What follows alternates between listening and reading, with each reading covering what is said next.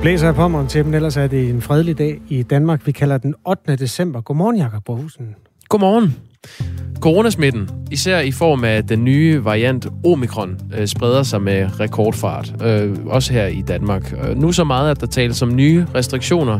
Statsministeren har indkaldt til pressemøde i aften klokken halv ni, og øh, der bliver på forhånd peget på det i forvejen hårdt prøvede natteliv som et sted, man kan indføre restriktioner igen. Og det er altså ikke fair. Så lyder det fra en øh, klubejer og formand for Restauratørforeningen i Holstebro. Øh, det er også noget, Dansk Erhverv har været ude at løfte. Men øh, vi kommer til at tale med den her formand for Restauratørforeningen i Holstebro om et kvarter.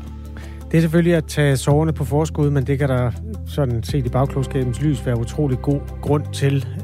Der er en eller anden grad af restriktion undervejs. Alt andet vil være en kæmpe overraskelse.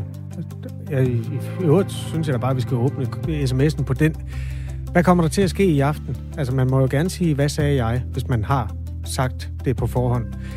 Hvis nogen kan forudse, hvad der sker på aftens pressemøde, så skriv det lige til os i en sms, der starter med 1424. Start med R4 og et mellemrum. Så skal vi også øh, beskæftige os med en ny mindsteløn, som er blevet stemt igennem i øh, EU. Det er kun Ungarn og Danmark, der har stemt imod det her direktiv. Øh, det betyder, at vi ikke kan sidde med, når størrelsen og rammerne for mindstelønnen skal diskuteres. Det er de glade for i øh, fagforeningen Dansk Metal. Vi kommer til at tale med øh, deres EU-chef om, hvorfor de er glade for det. Og det er lidt over halv syv i dag. Og så skal vi også tale om den mere, øh, lad os kalde det, konspiratoriske side af dansk politik. Ja, i halvanden time var statsminister Mette Frederiksen i går i samråd i Folketingets retsudvalg om de slettede sms'er fra statsministeriet. Det er jo både for embedsmænd og så statsministerens egne telefoner øh, i ukendt antal. Oppositionen har stadig ubesvaret spørgsmål efter det her halvanden timer øh, lange øh, samråd. Vi taler med øh, det konservative Folkepartis retsordfører Britt Bager om, hvad de mangler at få svar på fra statsministerens side lidt senere. Det var lidt at spise for Radio 4 morgen. Klokken er 7 minutter over 6. Tak fordi du hører Radio 4. Godmorgen. I dag, 8. december, er det 30 år siden, at Sovjetunionen faldt definitivt fra hinanden. På den her dato, der underskrev Rusland, Ukraine og Hvide Rusland en aftale om at opløse Sovjetunionen, og det betyder, at de i alt 15 tidligere republikker i dag er selvstændige lande. Det er svært at huske, det er svært at forstå og rumme, hvor stort og vigtigt Sovjetunionen var. Altså på det tidspunkt var der kun to lande, der rigtig bestemte over verden, og de var jo altid repræsenteret af to urgamle mænd. De har ligesom delt verden imellem sig, og de bestemte høj grad, øh, hvordan vores humør skulle være. Sådan husker jeg i hvert fald 80'erne, hvor de raslede med deres atomsabler over for hinanden. USA og Sovjetunionen. De løb om kap i forhold til atomvåben, og inden da havde de løbet om kap for at komme først og længst ud i rummet, og inden da havde de løbet om kap for at vinde 2. verdenskrig fra hver sin front. Den sidste præsident for Sovjetunionen hed Gorbachev. Han lod øh, partiet og landet modernisere, og det førte så i den sidste ende til, at det gik i opløsning, fordi den der gamle kommunistiske måde, man havde drevet landet på, den duede ikke. Set med danske øjne var det sådan hovedsageligt rart, at Sovjetunionen som sådan forsvandt. Men det var også lidt uoverskueligt, for pludselig havde man 15 forskellige lande, og det har man jo altså endnu sådan set, bortset fra, at et af landene, Rusland, stadig nogle gange fører en politik, der lader ane, at man gerne vil være store igen. Med til at øh, fejre den her 30-årsdag, kan vi kalde det, har vi Andrej Kasankov, øh, som er Ruslands korrespondent hos Weekendavisen. Godmorgen. Godmorgen. Er det egentlig en glædens dag i din optik, eller øh, sovens dag? Det er bestemt uh, glædens dag i min optik uh, på rigtig mange måder. Nogle af dem, som du selv har nævnt, men altså også i mit liv. Jeg er jo fra den sidste generation, der er født i Sovjetunionen, og der har oplevet uh, kommunismens uh, totalitære karakter, uh, som har været udsat for det allerede i børnehaven, hvor vi fik at vide, at uh, Lenin, altså Sovjetunionens grundlægger, var vores bedste far, og alle sådan nogle ting. Uh, så det var selvfølgelig glædeligt, at uh, det her system faldt fra hinanden, og at man kunne opleve frihed og demokrati som vi jo alle sammen troede på der i starten af 90'erne i hvert fald, at nu skulle vi være lige så rige og frie som den vestlige verden. Sådan gik det ikke helt. Fortæl lidt om, hvordan situationen er øh, her efter 30 år, altså i de 15 forskellige lande. Øh, ja, det kommer selvfølgelig an på, hvordan man ser på det. Jeg synes, man godt kan argumentere for både, at det er gået øh, sådan ret dårligt, men også, at det er gået forholdsvis godt. Det kommer an på, hvad udgangspunktet er. Ikke? Hvis man øh, var ligesom øh, Francis Fukuyama, den amerikanske politolog, der i starten af 90'erne, der skrev om, at nu var det historiens endeligt. Nu skulle alle udvikle sig som liberale demokratier. Så har det selvfølgelig været skuffende, for det ud af de 15 lande, som, som var med i uh, Sovjetunionen, så er det jo kun tre de baltiske lande, Estland, Letland og Litauen, som man i dag kan kalde for sådan velfungerende demokratier. Uh, oveni er der sådan fem lande, som man kan kalde for problematiske demokratier. Det er Ukraine, Georgien, Armenien, øh, Moldova og Kirgisistan, helt ude der i Centralasien, mm. uh, tæt på Kina. Og så er der syv lande, som man jo vil kalde for enten diktaturstater, eller for i hvert fald uh, sådan nogle uh, autoritære uh, styre. Og det er Rusland, det er Belarus, som vi tidligere plejede at kalde for Hvide Rusland, så er det Azerbaijan, og så er det fire lande der i Centralasien, Turkmenistan, Tajikistan, Uzbekistan og Kazakhstan. Mm. Og det er jo, uh, altså, det er ikke gået sådan super godt, men det er heller ikke gået super dårligt, kan man sige, for det er trods alt, at der er nogle lande, der har udviklet sig demokratisk, og selv de lande, hvor, hvor det går mindre godt, der har man det stadigvæk langt bedre, synes jeg, i forhold til frihed og hvad man kan, end man havde det i Sovjetunionen. Så, så med den baggrund, altså, så kan man sige, at det kunne have gået værre, end det faktisk er gået. Det er altid rart at tænke på. Øhm, lad os lige hoppe til et af de lande, som du også nævner som et øh, problematisk demokrati, nemlig Ukraine. Vi har også Johannes Varmberg med. Godmorgen. Godmorgen. Dansk journalist i Ukraine. Øhm, Hvordan oplever du, at Ukraine er et problematisk demokrati i dag? Jeg smager lige lidt på både det problematiske og på demokratiet, fordi det er da meget rigtigt. Uh, Ukraine har defineret sig selv som et demokrati. Uh, da det blev selvstændigt her for, for 30 år siden, uh, netop i modsætning til sovjetdiktaturet, som vi også lige hørte om. Mm. Uh, og, uh, men ikke desto mindre, så har ukrainerne måtte uh, tage til to omfattende oprør øh, med, sådan med, med, med langvarige gadedemonstrationer og, og, og bål i gaderne for at, for at forsvare den her frihed og det her demokrati. Og, og det ligger stadigvæk og vipper, kan man sige. Det er så lidt problematisk i det. Mm. Øh, fordi øh, der er stadigvæk utrolig meget øh, magtmisbrug og øh, korruption og øh, øh, en generel mangel på det, man kunne kalde ansvarsfuld øh, samfundsledelse øh, i, øh, i det her land. Øh, altså, små, små børn bliver stadig opdraget til, at øh, alle regler kan omgås. Skolebørn bliver sat til at male stikdittet øh, i sommerferien omkring skolen, øh, for, fordi de har fået dårlige karakterer, så kan de så få en bedre karakter i matematik, hvis de, hvis de øh, laver børnearbejde øh, for skolen, fordi kommunen ikke vil give penge til det. Øh, det er jo ikke noget med matematik at gøre. Nej, det er korruption og, i sin fineste form. Og man, man kan, man kan man, i stedet for at få en byggetilladelse og, og, og sætte øh, gamle fine bygninger i stand på den rigtige måde i, i centrum af byen, så skal man gå og betale bestikkelse til politiet, der møder op, fordi man kan ikke få en byggetilladelse, fordi det hele er så øh, horske snorske det hele, kan man sige. Ikke? Øh, en, en, en jernbanereformator, jeg talte med her, ikke? Han, vil, han vil gerne lave sådan, ligesom på danske stationer, at øh, perronerne var opdelt i sektioner A, B, C, D, så øh, passagererne kunne bedre kunne positionere for sig i forhold til de her lange, lange nattog, de her, det her land, øh, før toget kom. Men øh, det krævede jo, at øh, underskrifter fra 40 forskellige jernbanechefer fra de forskellige afdelinger, de ville alle sammen have penge for det. Dem havde han jo ikke nogen af.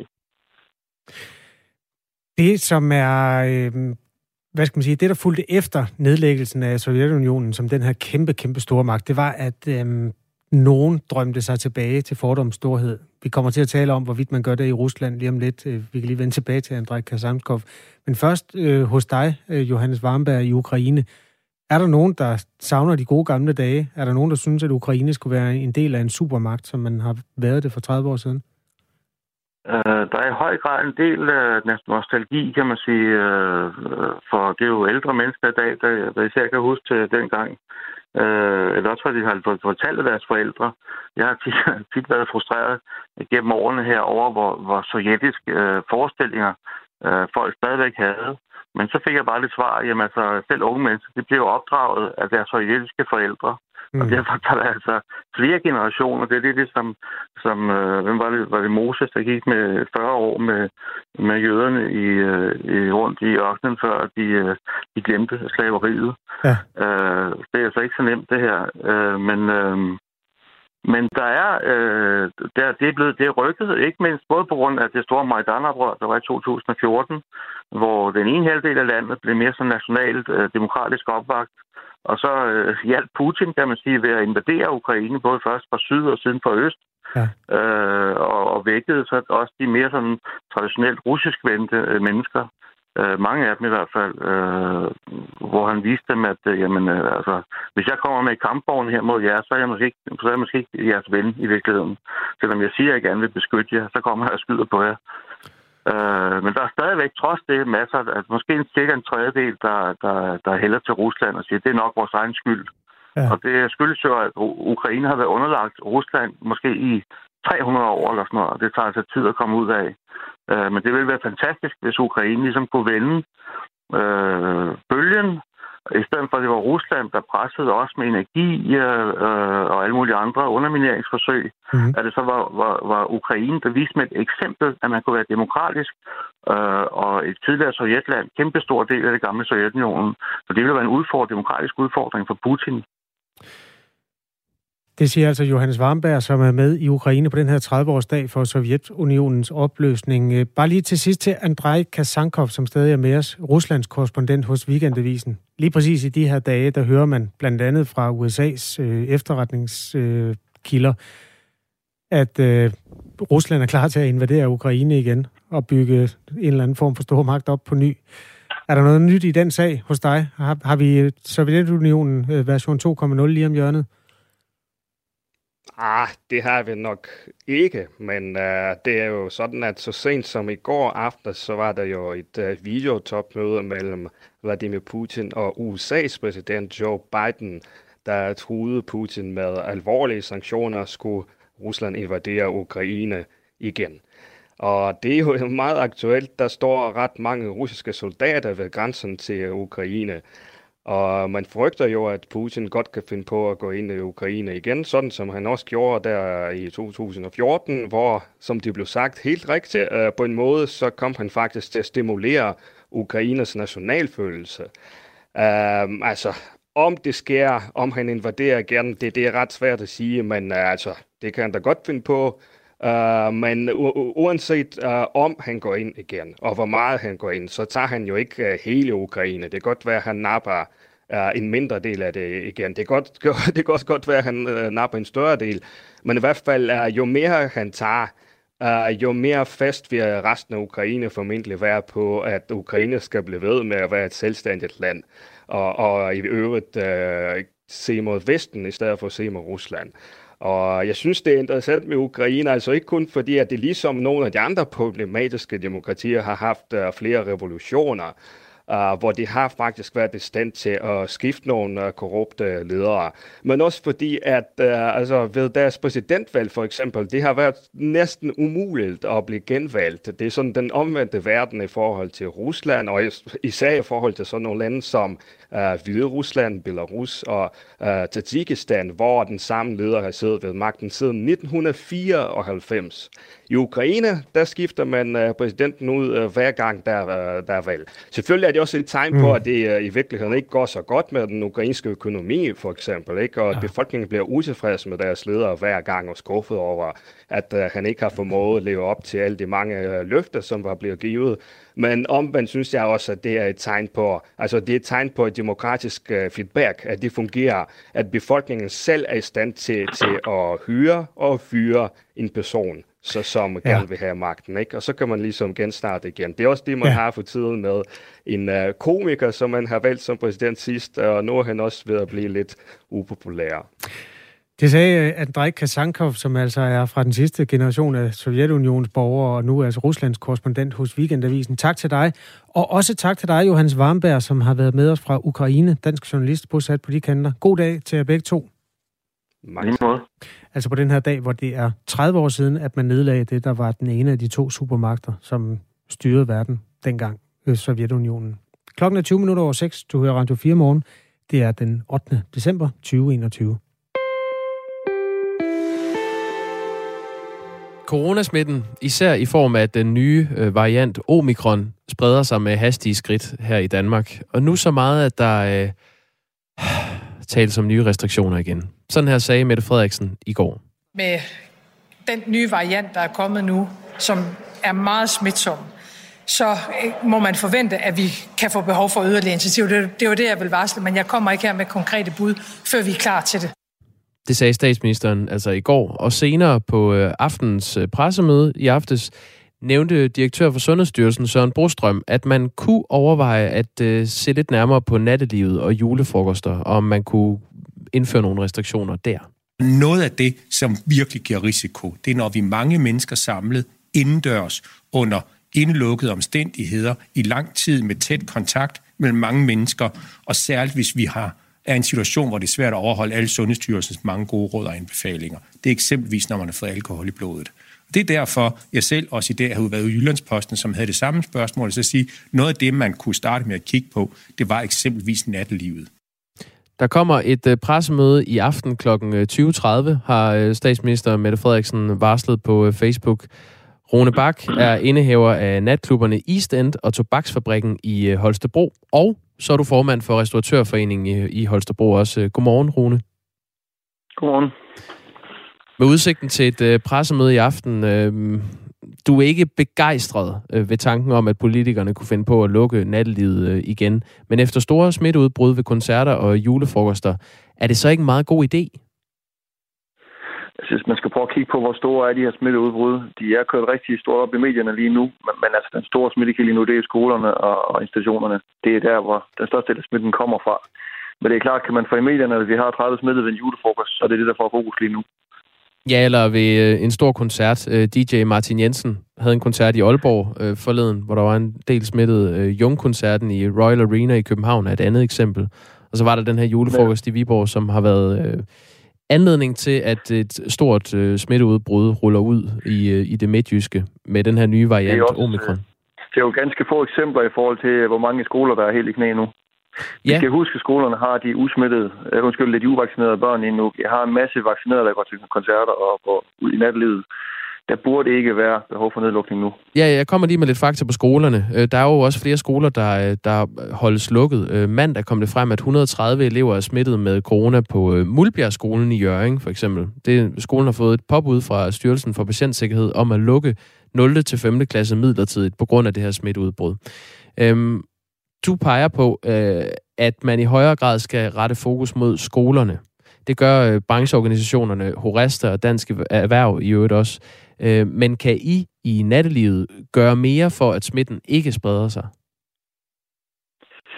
Jamen altså, vi kan jo stadig følge alle de gode råd, vi har fået gennem tiden, men altså, i, i, i første omgang, så kan vi opfordre alle de unge mennesker til at blive vaccineret. Øh, det er jo første indsats.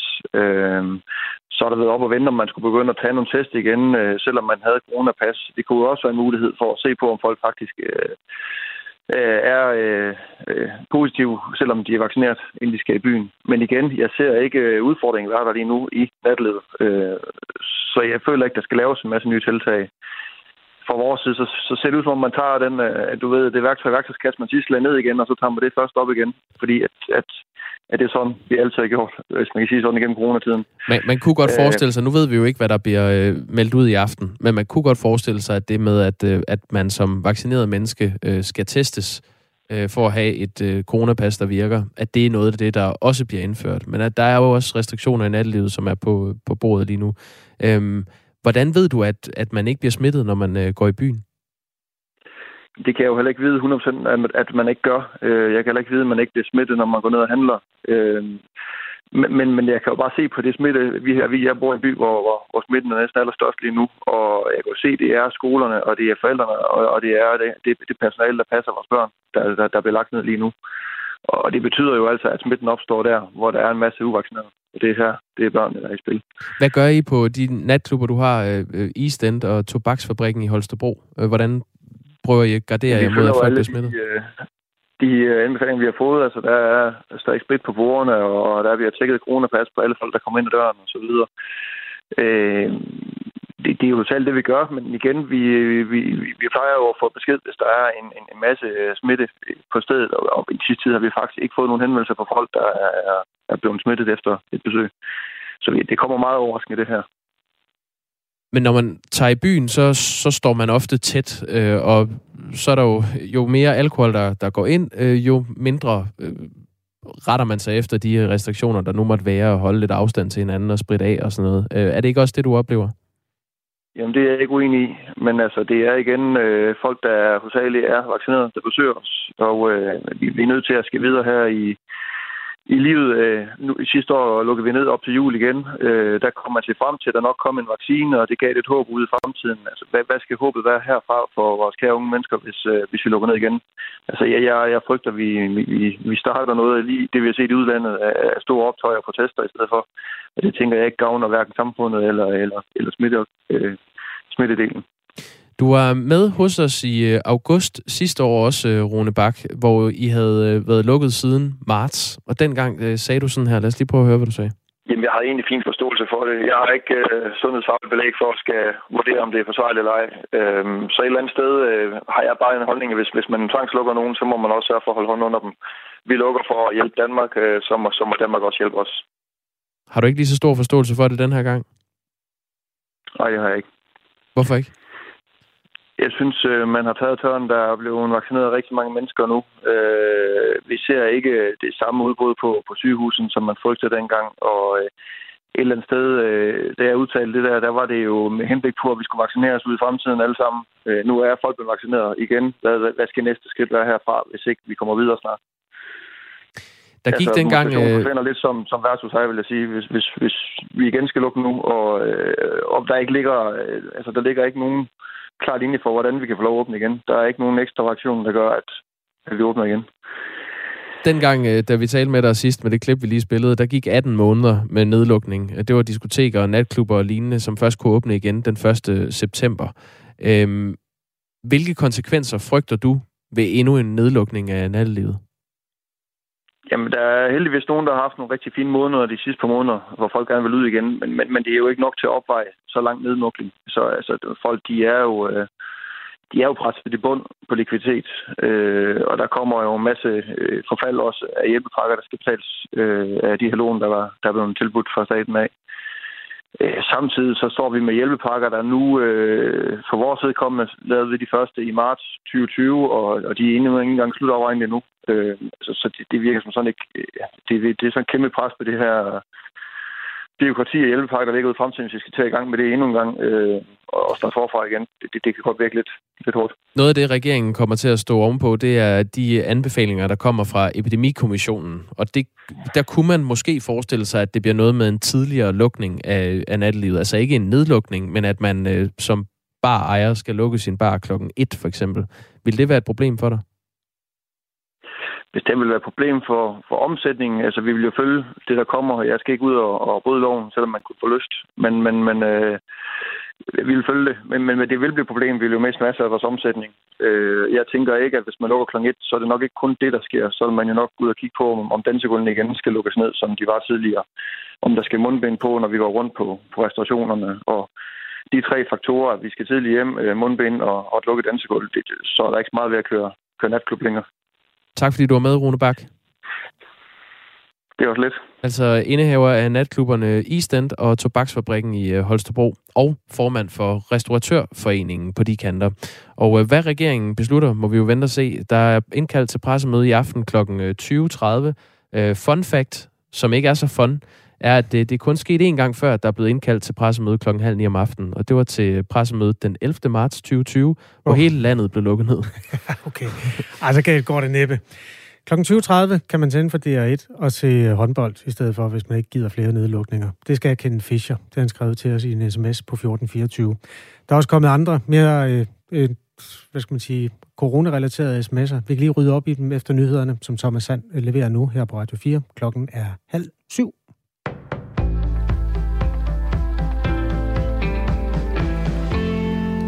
Mangel på personale presser nu landets intensivafdelinger. Bekymrede læger advarer mod at havne i en situation, hvor patienter må afvises. Det skriver Berlinske. Kapaciteten på landets intensivafdelinger er langt mindre nu, end den var under de første coronabølger, og lægerne foreslår derfor at målrette penge fra coronavinterpakken til at sikre flere medarbejdere for at kunne redde de hårdest ramte patienter. Christian Wamberg er formand for Dansk Selskab for Anestesiologi og Intensiv Medicin. Han skønner, at kapaciteten er omkring 25 procent lavere end tidligere under coronapandemien, mens antallet af alvorligt syge coronapatienter stiger oven i andre indlagte på intensivafdelingerne. I stedet for at smøre pengene tyndt ud over alle, kan man måske forgylde dem, der har lyst til at hjælpe til på intensivafdelingerne. Det vil blive dyrt, men det kan godt lade sig gøre, siger Christian Wamberg til avisen. Han fraråder at tvinge medarbejdere over et job, de ikke er vant til at udføre. Det vil være problematisk, dels i forhold til kompetencer og oplæring, dels fordi tvang afler frustration og modvilje, siger han. Christian Warberg kalder situationen på intensivafdelingerne for svært bekymrende.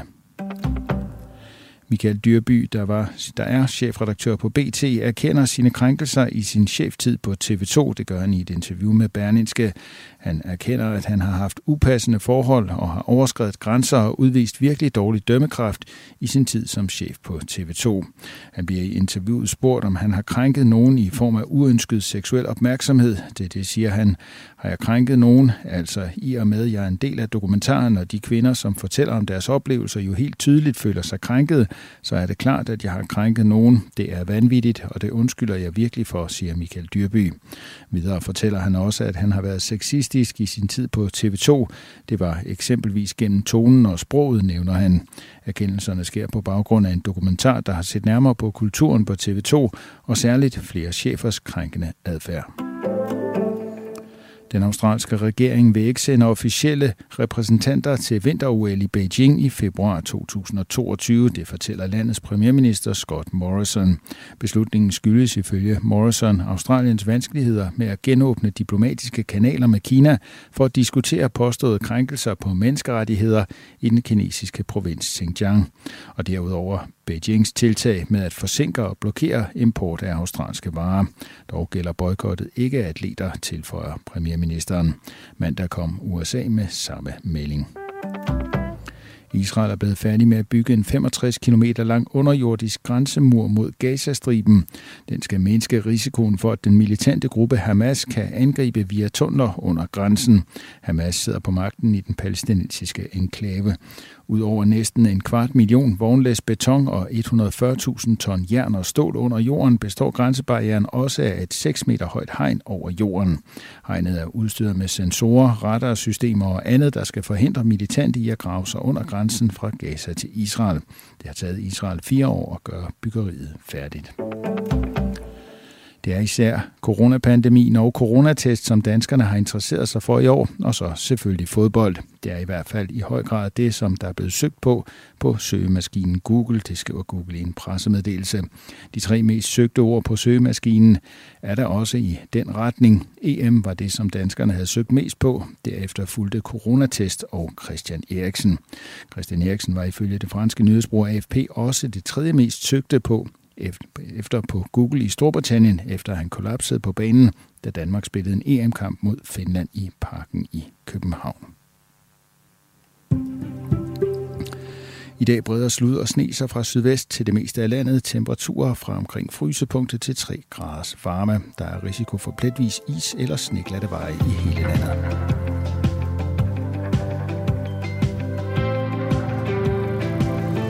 Hun lukker nattelivet med venlig hilsen HC. Man kan I forklare, hvordan en virus smitter mindre efter kl. 24? Spørgsmålstegn. Øh, godmorgen, H.C. Godmorgen. Øh, nej, det gør den ikke. Altså, en virus smitter ikke mindre efter kl. 24. Jeg ved ikke, om, om H.C. måske mener, øh, øh, om den smitter mere, altså siden man har brug for at lukke nattelivet tidligere, måske. Der er blevet talt meget allerede om noget, der kunne ende med en eller anden begrænsning af nattelivet. Og det, man nok sigter mest mod, er, at folk har mindre... Disciplin? Ja, mindre intimsfære, end de har før 24, fordi der er, der er brugt forskellige stimuli. Det er i hvert fald en del af det rationale, man gør sig tanker om i Sundhedsstyrelsen. Der er også en anden sms fra... Ja, hvad fint skal vi tage? Jeg tager fra Bo. Jeg går ud fra, at mundværnspolitikken bliver udvidet til flere områder, såsom restauranter. Det kan også være, at forsamlingsloftet bliver sænket for indendørs slapperas. Bo, han øh, deltager i det, der er en form for gættekonkurrence. Vi vil gerne have at vide, hvis du har enten nogle rigtig gode vandrør, eller bare en rigtig god fornemmelse af, hvad der sker i aften. Så kan du bare lige skrive en, en forudsigelse til os på 1424. Start beskeden med R4 og et mellemrum. Godmorgen. Pressemøde igen. Gab. Der var sgu vist også et i går, jeg gider ikke se dem mere. Må ikke jeg får et referat hos jer i morgen tidlig. God dag. Jo, det skal du nok få. det kan jeg faktisk godt forstå. Der, ja. der har indsnedet sig en vis uh, metaltræthed omkring de pressemøder der. Nu er det myndighederne, der havde et i går, og lurer mig, om Søren Brostrøm ikke er med i aften igen, og Henrik Ullum. Dengang jeg startede på Journalisthøjskolen øh, i 1996, der var det første, vi fik at vide, der er noget, der hedder nyhedstrækanten. Og det betyder, at du starter helt op på en spids. Du starter derop med det væsentligste, mm. og så bibringer du det næste væsentligste derefter, og så det tredje væsentligste. Den har Mette Frederiksen aldrig rigtig lært. Hun kan holde nogle taler, der er meget lange til at begynde med, og hun starter ikke nødvendigvis med det væsentlige. Hun starter gerne med at sige, jeg vil godt lige minde om, og så får man øh, en forhistorie i stedet for. Det kan godt være, at det er sådan, man gør, når man er statsminister. Det har jeg aldrig prøvet. Jeg siger bare, at det er ikke sådan, man gør, når man er journalist. Nej, der sker noget med opmærksomheden undervejs. Øh, men altså, det hele ligger jo ovenpå, at Mette Frederiksen har været på Facebook og øh, skrive blandt andet, øh, jeg forventer, at vi fra regeringens side kan holde pressemøde i, i morgen aften kl. Øh, kl. 20.30. Ja, så kommer det nok til at ske. Ja, det kan vi godt forvente. Klokken er 6.37 nu. Det her det er Radio 4 morgen med Jakob Grosen og Kasper Harbo. Vi har heldigvis også andre ting end corona på tapetet i dag. For eksempel forhandlingerne om, der skal være en mindsteløn her i EU. Det bliver uden Danmark ved forhandlingsbordet. Altså EU har besluttet at indføre et mindstelønsdirektiv i medlemslandene, men to lande stemte imod. Danmark og Ungarn. Og det betyder jo altså, at forslaget er blevet vedtaget, men at Danmark ikke deltager i de forhandlinger, der skal foregå efter nytår, om hvordan den skal udmyndtes, hvordan den her mindsteløn og lønforhandling generelt skal fungere i praksis. Det der med, at det er et direktiv, det er ikke helt ligegyldigt, for det betyder nemlig, at EU ikke kan kræve, at det bliver indført, men kun bede landene om at overveje det kraftigt. Det er jo selvfølgelig med bagtanken om at bekæmpe social dumping, så man ikke får mennesker rendende til en timeløn, der er alt for lav. Øh, men vi er jo altså stadig ikke tilhængere som nation betragtet af den her EU-plan, og det er de heller ikke hos fagforeningen Dansk Metal, der kritiserer ideen. Johan Mosgaard Andersen er EU-chef i Dansk Metal. Godmorgen. Godmorgen. I bruger øh, udtrykket, at EU-mindsteløn, det vil være gift for den danske arbejdsmodel. Fortæl lige, hvad I mener med det. Jamen, det er der faktisk, kan man sige, to øh, årsager til. I Danmark, der er det jo arbejdsmarkedsparter og ikke politikere, der beslutter sådan nogle spørgsmål, i hvert fald på det private arbejdsmarked, som løn og som overenskomster. I det her EU-forslag, der har man forsøgt at øh, sikre sig øh, fra politisk hold, at det ikke vil påvirke for eksempel Danmark og Sverige. De garantier, dem, øh, dem kan vi desværre ikke stole helt på. Det, der er sket, det er på tidligere forslag, som for eksempel arbejdstidsdirektivet og på andre EU-områder, der har det vist sig, at nogle af de her undtagelser, øh, de er egentlig ikke holdt øh, i sidste ende ved domstolen, eller når man er kommet lidt længere og efter direktivet er vedtaget. Så, så vi føler os ikke helt betrykket af, af den her model. Vi frygter sådan set, at, at den vil skabe en politisk ramme om noget af det, der egentlig fungerer fantastisk godt i Danmark, nemlig at vi ikke har politisk indblanding i mindstløn overenskomster. Og så kan man sige, øh, som, som ting nummer to, at, øh, at så, kan, så er der jo også en lidt mere langsigtet udfordring. Det står med flammeskrift i EU-traktaten, at EU ikke kan lovgive om løn, og hvis vi altså, øh, kan man sige, spiller bolden over til EU på det her, og giver EU kompetencen til at lovgive om løn, så kan det give nogle udfordringer på den lange bane. Vi har jo som fagforening og som arbejdsmarkedspart også et ansvar for fremtidens generationer af danskere. Men øh, det, man jo gerne vil til livs, det er, at der går en gardneriarbejder, øh, som er kommet fra et fattigt land, og som gerne vil arbejde i Danmark for 10 kroner i timen. Altså, en ting er jo, at man kan have gode overenskomster i nogle brancher, men der er også nogle mennesker, der ikke har en overenskomst. Hvorfor vil det være dårligt, at man satte en, en mindste grænse? Jamen, øh, det gør man sådan set heller ikke med det her øh, direktiv. Man anerkender fra EU's side, at øh, man ikke kan blande sig direkte i lønforhold. Så der er altså ikke en eneste europæer, der med det her direktiv får løftet deres løn. Heller ikke i alle mulige andre lande. Der, det flyver sådan lidt med, med fake news i, i, i debatten, også faktisk lidt i den danske debat. Der er altså ikke noget i det her direktiv, der hæver mindstlønnen. Der er ikke noget, der sætter en forpligtelse for medlemslandene til at sætte en bund over mindstelønnen, eller, eller hæve mindstelønnen. Så, så man kan ikke sige på den måde, at direktivet hjælper med det, men det skaber ligesom en politisk lovramme omkring det, og mm. det kan ende med, at Danmark får tvunget en mindsteløn ind ad bagvejen, som er lovbestemt, som bliver politisk reguleret.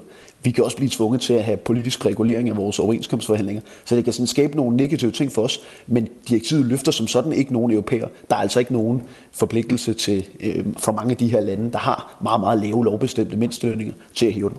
Altså bare lige for at forstå det, ja-nej-agtigt. Øh, er det, altså, det er ikke retskyldigt, det her dokument? Er det det, du siger? Jo, jo altså det, det, det, er det, det er det i den grad. Altså det er et direktiv jo. Det, skal, det, det, det, det, er, jo, det er jo lovgivning, som, som, som vi så skal, man så skal implementere i medlemslandene. Men der står altså ikke i direktivet, at de lande, der har en lovbestemt mindsteløn, skal hæve deres lønninger. Der er nogle kraftige opfordringer til det, men øh, fordi det netop står i EU-traktaten, at EU ikke kan blande sig direkte i lønforhold, så er der altså ikke nogen, man kan ikke pege på en eller anden europæer, der med det her direktiv er tvunget til at få en højere løn. Det er nogle kraftige anbefalinger til medlemslandene. De skal have nogle øh, ordentlige indikatorer for deres mindstelønninger, så det er sådan, det er sådan at omveje, man prøver at, at løfte lønnen, men der er altså ikke nogen europæere, der med det her direktiv får hævet deres løn. Jeg kommer lige med lidt fakta, der kan belyse den her sag. Den internationale valutafond IMF har undersøgt betydningen af minimumslønninger i EU og skriver blandt andet, at det vil være godt for at bekæmpe uligheden. De nederste i lønhierarkiet bliver løftet over fattigdomsgrænsen, lyder argumentet.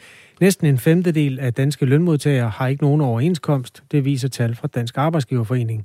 Oven i det viser en rapport fra EU-kommissionen, at op imod 6 procent af de danske lønmodtagere får en løn, der vil vise sig at være under EU's fattigdomsgrænse. Hvorfor kører du ikke det argument?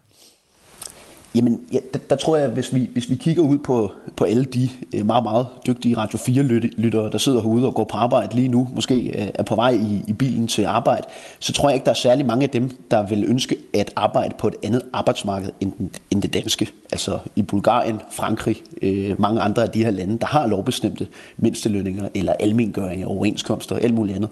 Faktisk er det sådan, at det her EU-forslag, det fremhæver netop Danmark og Sverige, fordi vi har nogle af de mest anerkendte arbejdsmarkeder, det er nogle af de arbejdsmarkeder, der fungerer allerbedst. OECD kunne jeg også pege på, der, der, der sådan set har peget på, at, øh, at, at Danmark og Sverige har nogle meget, meget stabile modeller, for vi har høj organisering. Lønmodtagerne er medlem af en fagforening, arbejdsgiverne er medlem af en arbejdsgiverorganisation, og man har altså ikke politisk regulering af de her øh, forhandlinger. Så det er klart, at vores arbejdsmarked er ikke perfekt i Danmark, men når vi kigger rundt omkring i Europa, så tror jeg ikke, det er særlig mange Radio 4's lyttere, der drømmer hededrømme om at arbejde i, i Bulgarien. Nej, det er vel heller ikke det, der er til forhandling i øjeblikket, om folk skal flytte arbejdsplads til Bulgarien. Nej, men det er jo, kan man sige, om vi skal have en politisk reguleret arbejdsmarkedsmodel, som man har i mange af de her lande. Øh, mm. Fordi det er jo det, er jo det der, der ligger i det her skab, hvor, hvor i hvor høj grad skal det være politikere, der øh, dikterer lønudvikling og overenskomster, og i hvor høj grad er det arbejdsmarkedsparter. Og der kan vi altså kigge rundt omkring i, øh, i, øh, i Europa og verden. Der er der altså ikke mange arbejdsmarkeder, der fungerer bedre end den her nordiske model, som er meget, meget højt besungen alle mulige steder.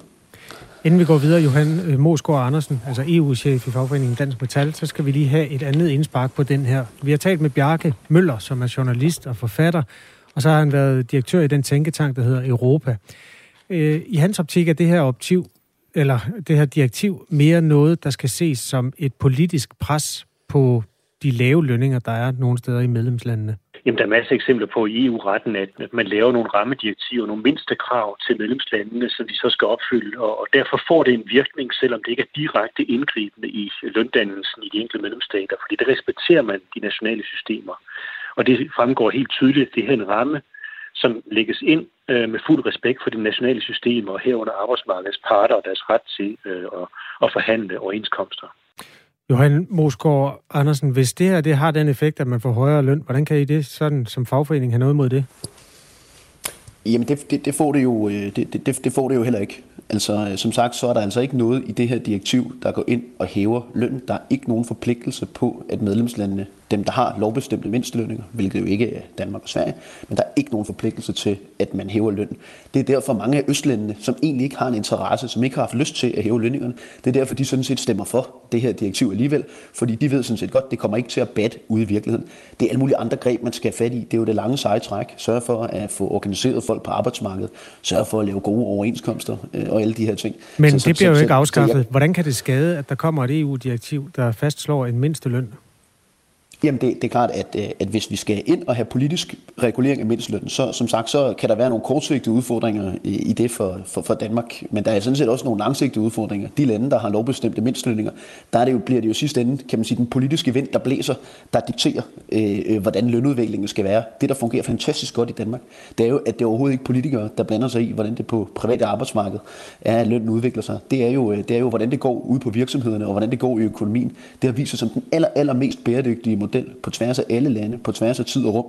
Og, og, og det er klart, det er jo så det, man opgiver, hvis man siger, at det er politikere, der i virkeligheden skal stramme skruen øh, på lønnen, og at det ligesom bliver øh, politikere, der skal, der skal gøre det, og i forhold til overenskomstdelen, at det er politikere, der skal sidde og, dø, og dommere, der skal sidde og dømme omkring mm. overenskomster, i stedet for at arbejdsmarkedets parter om det. Og det er jo et politisk valg, om man vil have det ene eller det andet system. Ja. Vi kan bare se, at den nordiske model fungerer altså bedre end de modeller, hvor det er politikere, der, der sidder øh, for bordenden. Nu skal jeg det bare lige ud i pap til allersidst, øhm, og det er et karikeret eksempel, men vil det sige, at du egentlig ikke vil have noget imod, hvis man nåede frem til, at øh, timelønnen den var 10 kroner i en periode, hvor det gik dårligt i, øh, i de brancher, der skal øh, ansætte folk? Man kan, man kan sige, at nogle af de bedst fungerende overenskomster i Danmark er sådan set nogle af dem, hvor, mindsteløn, hvor der ikke er en mindsteløn. Industriens funktionæroverenskomst for eksempel, der, der sidder formentlig nogle af de funktionærer, der, der, der lytter til Radio 4 lige nu, der er ganske tilfredse med deres løn, selvom der egentlig ikke har en mindsteløn bestemt ved overenskomst. Så, så, så, så det er jo et kompliceret Men problemet spørgsmål. er jo ikke dem, der har en god løn. Problemet er dem, der ikke har en god løn. Ja, og der kan man sige, der, der har vi, der, der, jeg siger jo heller ikke, at der ikke kan være problemer på det danske arbejdsmarked, men der har vi altså fundet nogle gode lokale løsninger. Bare tage transportområdet som eksempel. Der har man altså gået ind og, og lavet nogle, nogle helt særlige løsninger med arbejdsmarkedsparter og politikere, og løst de problemer, der kan være i de særlige brancher. Vi er ikke i mål endnu i Danmark, men hvis man kigger rundt omkring i Europa, så er der i, i de her særligt de udsatte brancher, byggeri og transport og andre, så, så fungerer det sådan set bedre i Danmark, end det gør i mange af de andre øh, lande. Og, og nu er jeg ked af, at, øh, at, at Bjarke Møller ikke var morgenfrisk nok til at komme her ind i programmet, fordi så, så, så vil jeg jo have spurgt, hvad, hvad er løsningen virkelig, at, øh, at vi skal kopiere de arbejdsmarkedsmodeller, man har i resten af Europa eller resten af verden? Jeg ser jo i virkeligheden det på en helt anden måde, nemlig at den danske arbejdsmarkedsmodel mm. ikke er perfekt, men det er faktisk måske verdens bedste. Jeg skal sige, at han er garanteret ganske morgenfrisk, men vi har bare valgt den prioritering her, at vi bare lige tager et klip med ham. så for at vi ikke lige laver noget injurierende. Øhm, er der noget, vi skal nå, inden øh, vi runder? Ja, altså øh, Johan Mosgaard øh, Andersen, øh, EU-chef i Dansk Metal. Vi har fået sms'er fra vores lytter Arne. Han er en af de kloge lyttere, der lytter til Radio 4. Og han skriver, den danske mindsteløn er lommepenge, og det ønsker arbejdsgiverne at holde fast i. Dem, som har mindsteløn i Danmark, er ikke på øh, vej på arbejde i bil. De cykler. Det er pinligt for fagforeningerne, at vi har en mindsteløn, som man ikke kan leve af. De har sovet i timen. Vil du kommentere på det? Øh, øh, ja, altså vi har ikke en lovbestemt øh, mindsteløn i Danmark, og det har man heller ikke i nogle af de andre lande, som, som er i alle de lande, der i virkeligheden har de mest velfungerende øh, arbejdsmarkedsmodeller. Lønudviklingen i Danmark på det private arbejdsmarked er sådan set øh, væsentligt bedre end mange andre steder i Europa. Altså, som sagt, så øh, øh, har vi jo ikke fået afskaffet fattigdom i Danmark. Der har man slet ikke i noget land.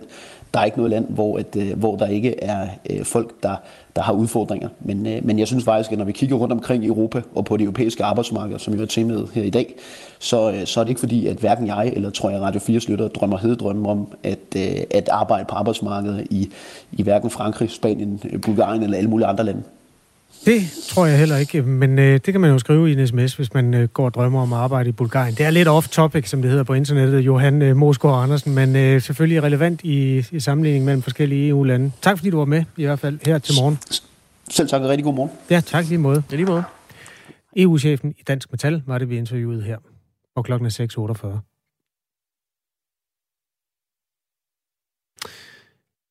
6.48. Øhm, nu skal I se, der er lige noget lyd, der ikke virker der. Nå, ved du hvad? Vi får en, øh, den her jingle i stedet for. Statsminister Mette Frederiksens automatiske sletning af sms'er er i den grad stadig i fokus, og det øh, kommer det også her i programmet nu. I går var hun i øh, samråd i halvanden time om sagen. Øh, sms'erne er relevante, fordi Mink-kommissionen har efterspurgt sms'er fra de centrale aktører øh, fra tiden, hvor beslutningen om at aflive alle mink blev truffet.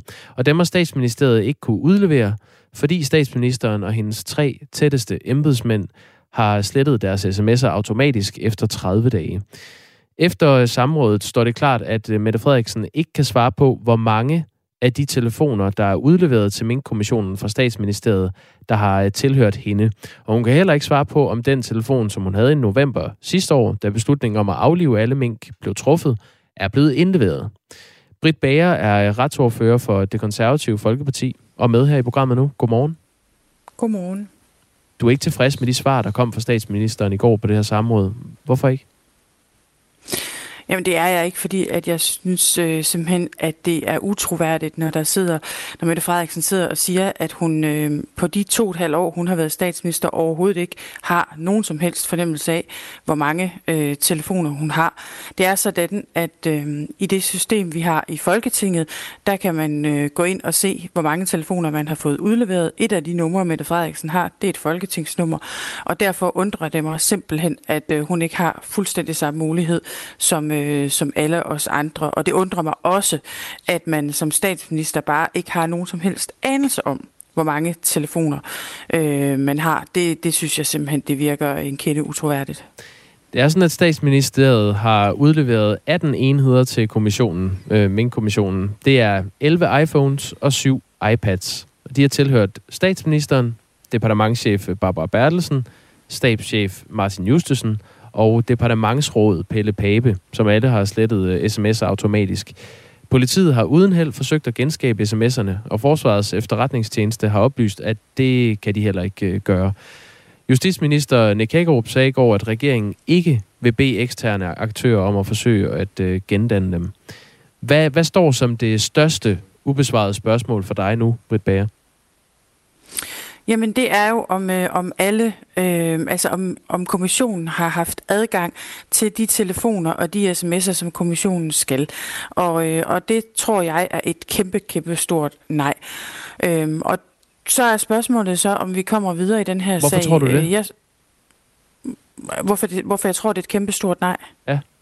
Fordi at, øh, at ministeren, at statsminister Mette Frederiksen ikke kan svare øh, ja, klar, et klart ja på, at alle telefoner er overdraget, og fordi vi ser, at der ikke er en, øh, altså, at, at der ikke er en kontinuitet i forhold til de sms'er, som, øh, som faktisk kunne have været genskabt. Altså, jeg forstår jo ikke, når det er sådan, at, øh, at Mette Frederiksen sidder og siger, at hun vil have vendt hver en sten i den her sag, så forstår jeg simpelthen ikke, at man ikke er mere samarbejdsvillig. Jeg forstår ikke, at, øh, at hun ikke vil renses, øh, og dermed B, have vendt hver en sten i sagen, have bede øh, eksterne øh, aktører om at genskabe de her beskeder. Det er jo sådan, vi får jo enormt mange henvendelser på de her sager. Blandt andet efter sådan en samråd i går har jeg fået altså jeg ved ikke, hvor mange opringninger med folk, der siger, at det passer simpelthen ikke. Vi vil kunne genskabe de her sms'er ganske, ganske hurtigt. Jeg har arbejdet med det her. Der er også eksterne aktører, aktør, aktører der har forklaret sig i, øh, i pressen, som har sagt, selvfølgelig kan man øh, via øh, TDC genskabe de her sms'er. Og jeg synes simpelthen ikke, der er noget som helst i statsminister Mette Frederiksens handling, der, der viser, at hun er interesseret i, at de her sms'er bliver genskabt. Men ja, du, du antager, at det er, fordi hun ikke øh, vil, og ikke fordi man ikke øh, kan. Øhm, øh, lad os lige prøve at høre et klip fra det her samråd, hvor Mette Frederiksen svarer på, hvorfor hun ikke kan sige, hvor mange telefoner hun har haft, mens hun har været statsminister. Altså af alle de opgaver, jeg har på min øh, liste hver eneste dag af hensyn til Danmark, så er det simpelthen ikke telefoner, der står, øh, står øverst. Så jeg har ikke ført en, en øh, dagbog over øh, brug af telefoner. Det kommer jeg altså, bliver nødt til at sige, heller ikke til. Giver det mening for dig, at statsministeren har haft andre ting at gå op i, end øh, hvor mange telefoner hun har haft? Jamen ved du hvad, jeg har heller ikke ført en dagbog under, over, hvor mange øh, telefoner jeg har, og jeg har også en meget, meget, meget travl hverdag, men jeg har stadigvæk en fornemmelse af, hvor, hvor mange, mange har du haft de seneste to og et halvt år? Jeg har haft mellem to og tre telefoner. Hvorfor kan du ikke svare klart på det? Synes du, ikke, det er et meget, synes du ikke, det er et klart svar? Jeg spurgte statsministeren i går, om, øh, om hun havde haft over eller under tre telefoner. Det var hun ikke interesseret i. Jeg vil, gerne, jeg vil faktisk gerne svare. Øh, jeg kan bare ikke på stående fod sige, om det er to eller tre, men jeg kan sige det derimellem. Jeg kan i hvert fald sige, at det er ikke en, og det er ikke, øh, og det er ikke fem. Altså. Så, så jeg vil gerne svare, og jeg vil også gerne udlevere dem til en ekstern aktør, hvis der var der hang øh, en så stor mistanke øh, over, over mig. Altså når, når det er sådan, vi er mistænksomme over for statsministeren, så er det jo også fordi den her sag, den fra starten af bare har været fuldstændig skæv og uhyggelig. Altså vi har haft en regering, som ulovligt har nedlagt et helt erhverv, har smadret hverdagen for hundredvis af familier. Og selvom Mette Frederiksen blev bekendt med, at det var ulovligt, så fortsatte hun det lovbrud. Hun fortsatte nedslagningen af minkerhvervet. Så havde vi en øh, central minister, nemlig Magnus Heunicke, som fik en direkte besked om, at det krævede lovhjemmel at aflive mink. Det kom simpelthen ind i et notat til ham, og det godkendte han. Og stadigvæk så fortsat regeringen med at nedslagte minkene. De udkommanderede politiet ulovligt, og de forsøgte at slette alle deres spor ved at slette deres øh, sms'er. Nej, det, det sidste, det, det er en antagelse. Det ved du ikke. Jeg ved i hvert fald, at øh, sms'erne er slettet. Ja. Lad os lige høre et øh, klip mere med Mette Frederiksen fra det her samråd i går. Altså, der er jo ingen i det her land, der har en større interesse i at få udleveret de telefoner, og hvis man havde kunnet det genskabe de sms'er, end jeg har. Der, der, det er der jo ingen, der har, fordi jeg ved jo, at der ikke ligger noget på de sms'er, der på nogen som helst måde kompromitterer det, jeg har sagt i hele forløbet omkring øh, hjemmel eller mangel på samme. Hun siger altså, at der ikke står noget i de sms'er om, at hun vidste, at der ikke var øh, lovhjemmel til at aflive alle mink. Øh, der var jo lovhjemmel til at aflive en del af dem. Og at hun ikke har noget at skjule. Tror du, hun øh, lyver om det? Jeg tror, hun har noget at skjule. Jeg synes ikke, de svar, vi fik i går, øh, på nogen måde var særligt troværdige. De svar, vi altså fik, fordi der var jo mange ting, som, øh, som statsministeren på ingen måde ville, øh, ville svare på. Altså, øh, jeg, jeg, øh, jeg mener, det her, det er... Øh, at vi har set det ene cover op efter det andet, og at, øh, at vi har en statsminister, som ikke tager, øh, tager ansvar, og jeg tror, hun har noget at skjule. Hvad er det, du øh, mener, at hun på ingen måde vil svare på i går? Jamen, hun vil jo ikke svare på, hvor mange øh, sms'er, eller undskyld, hvor mange telefoner hun havde haft. Hun vil heller ikke svare på, øh, hvor mange forskellige numre, der var i spil. Og når vi er så interesserede i det, så er det jo fordi, man kan genskabe øh, sms'erne. Hvis, hvis vi får at vide, hvor mange telefoner, der har været i spil på det tidspunkt, og hvilke øh, numre de har haft, så har man via et krydstjek med TDC eller med, med teleoperatøren mulighed for at genskabe sms'erne. Og det synes jeg bare ikke, at statsministeren på nogen måde virker til at være interesseret i. Og jeg synes, det er utroværdigt, når der sidder en statsminister og siger, at hun simpelthen ikke har en anelse om, hvor mange telefoner hun har haft øh, de sidste to og et halvt år. Og at man i statsministeriet ikke er i stand til at finde frem til det, det er da, altså, det, det er enten, enten så er det simpelthen ikke rigtigt, eller også så er det da en kæmpe skandale, at der er så stor en sikkerhedsbrist i et statsministerie, og vi har større sikkerhed i Folketinget, end man har i statsministeriet det, øh, det er simpelthen utroværdigt. Vi ved i hvert fald, at politiet uden held har forsøgt at genskabe dem, og Forsvarets efterretningstjeneste har også sagt, at det er ikke muligt for, øh, for dem. Øh, Britt Bager, lige her til sidst, øh, hvad kommer du til at gøre herfra? Ja, men hvis jeg lige må følge op på dit spørgsmål først. Vi ved, de har prøvet at genskabe sms'erne på de telefoner, de har fået udleveret. Men statsministeren vil jo heller ikke svare klart på, om om, om det var de rigtige øh, telefoner, der var udleveret. Og det er jo også et af de problemer. Vi, vi er interesseret i den telefon, der blev brugt i oktober-november 2020, for det er der, ministeren får besked om, at der ikke er lovhjemmel. Men det, og vi det er den, statsministeren ikke... siger, de ikke kan finde frem ja, til. Og, og, og, og det er den telefon, der er interessant. Og derfor ved vi jo ikke, om, øh, om de sms'er, som vi gerne vil se, om de, er, om de er blevet genskabt.